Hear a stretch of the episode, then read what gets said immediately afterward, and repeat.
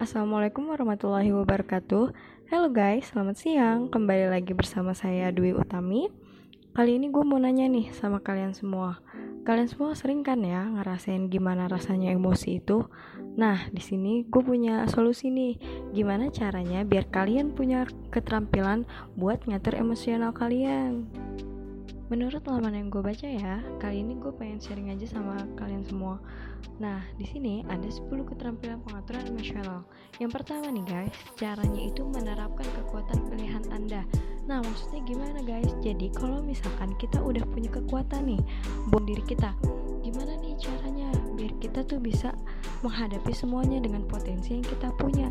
Nah, di sini gue punya quotes nih guys itu dengan menggunakan kekuatan pilihan saya, saya dapat menjalani hidup saya dengan potensi saya sepenuhnya dan saya berkembang. Nah, ngerti kan guys maksudnya gimana? Nah, yang kedua yaitu jaga tubuh kita. Nih, buat para-para perempuan nih yang suka merawat tubuh, kalian adalah orang yang mau menghormati diri kalian. Karena kalian tuh merasa bahwa kebutuhan jiwa adalah hal yang terpenting bagi diri kalian itu penting ya guys. Bu, jangan buat perempuan aja tapi buat laki-laki juga penting ya guys buat menjaga tubuh kalian. Step selanjutnya nih guys berusahalah untuk memiliki hubungan positif dalam hidup anda. Nah ini nih pas banget nih yang punya pasangan. Kalian itu harus memiliki hubungan yang positif guys. Gimana caranya biar pasangan kalian tuh gak toxic buat kalian kalau kalian udah memiliki hubungan yang positif, otomatis nih kalian pasti lebih optimis dan lebih tangguh. Oke, okay, kita next ke uh, cara selanjutnya ya guys. Nah, cara selanjutnya ya, itu tadi guys, temukan cara untuk bersenang-senang. Buat para ladies nih yang suka shopping-shopping, yang suka merawat diri. Nah, itu merupakan salah satu cara juga ya kadang buat para ladies bersenang-senang. Kenapa sih kita harus bersenang-senang? Soalnya ya, kalau misalkan kita bersenang-senang itu kita meminimalisir rasa takut yang ada di diri itu juga uh, sih bersenang-senang itu penting. Karena menurut sang Oakwe ini guys bersenang-senang itu dapat menyembuhkan dunia. Jadi kalau misalkan kita punya rasa sakit yang mendalam dengan bersenang-senang katanya nih guys bisa menyembuhkan rasa sakit itu guys. Jadi bersenang-senang itu penting buat kita mengatur emosional kita Nah guys, cara selanjutnya yaitu berlatih mindfulness. Kenapa sih kita harus latihan mindfulness?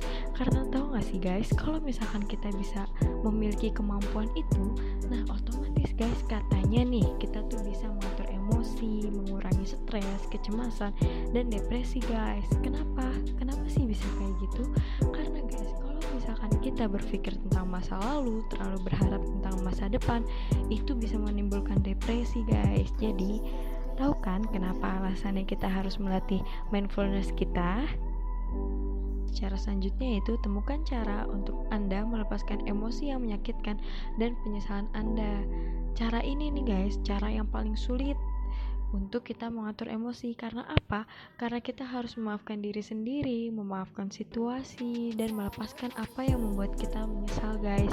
Nah, ini tuh cara yang paling sulit ya buat para ladies yang suka baper nih, guys. Nah, kalau cara ini itu katanya guys, ketika kalian menerima bahwa kalian menderita, kalian berhenti berlari dari emosi yang sulit dan berbalik menghadapinya dengan kekuatan dan keberanian, kalian bisa mengatur emosi kalian, guys. Nah, jadi gimana nih? Udah bisa belum untuk menemukan cara biar kita nggak menyesal, guys? Selanjutnya itu pelajari cara menerima kerentanan Anda gue punya quotes nih guys buat cara ini nih katanya nih kata dokter Brené Brown katanya dalam budaya kita kita mengasosiakan kerentanan dengan emosi yang ingin kita hindari seperti ketakutan, rasa malu, dan ketidakpastian, namun kita terlalu sering melupakan fakta bahwa kerentanan juga merupakan tempat kelahiran kegembiraan, kepemilikan, kreativitas, keaslian, dan cinta. Aduh, gimana nih guys? Jadi kalian udah siap belum menerima kerentanan kalian? Cara selanjutnya yaitu mencari keunggulan bukan kesempurnaan. Di sini siapa nih yang setuju sama cara ini? Siapa sih setuju ya guys? Karena apa? Karena perfeksionisme itu bukan tentang pertumbuhan, peningkatan, atau pencapaian pribadi guys. Ini tentang ketakutan dan penghindaran. Karena itu, yang harus kita fokuskan adalah mewujudkan keunggulan nih guys. Versi terbaik dari diri kita harus lepas nih guys dari diri kita. Jadi, kita tuh meminimalisir bagaimana cara orang melihat kekurangan kita atau menutup kekurangan kita guys dengan apa pun yang kita miliki dan kelebihan yang kita miliki guys.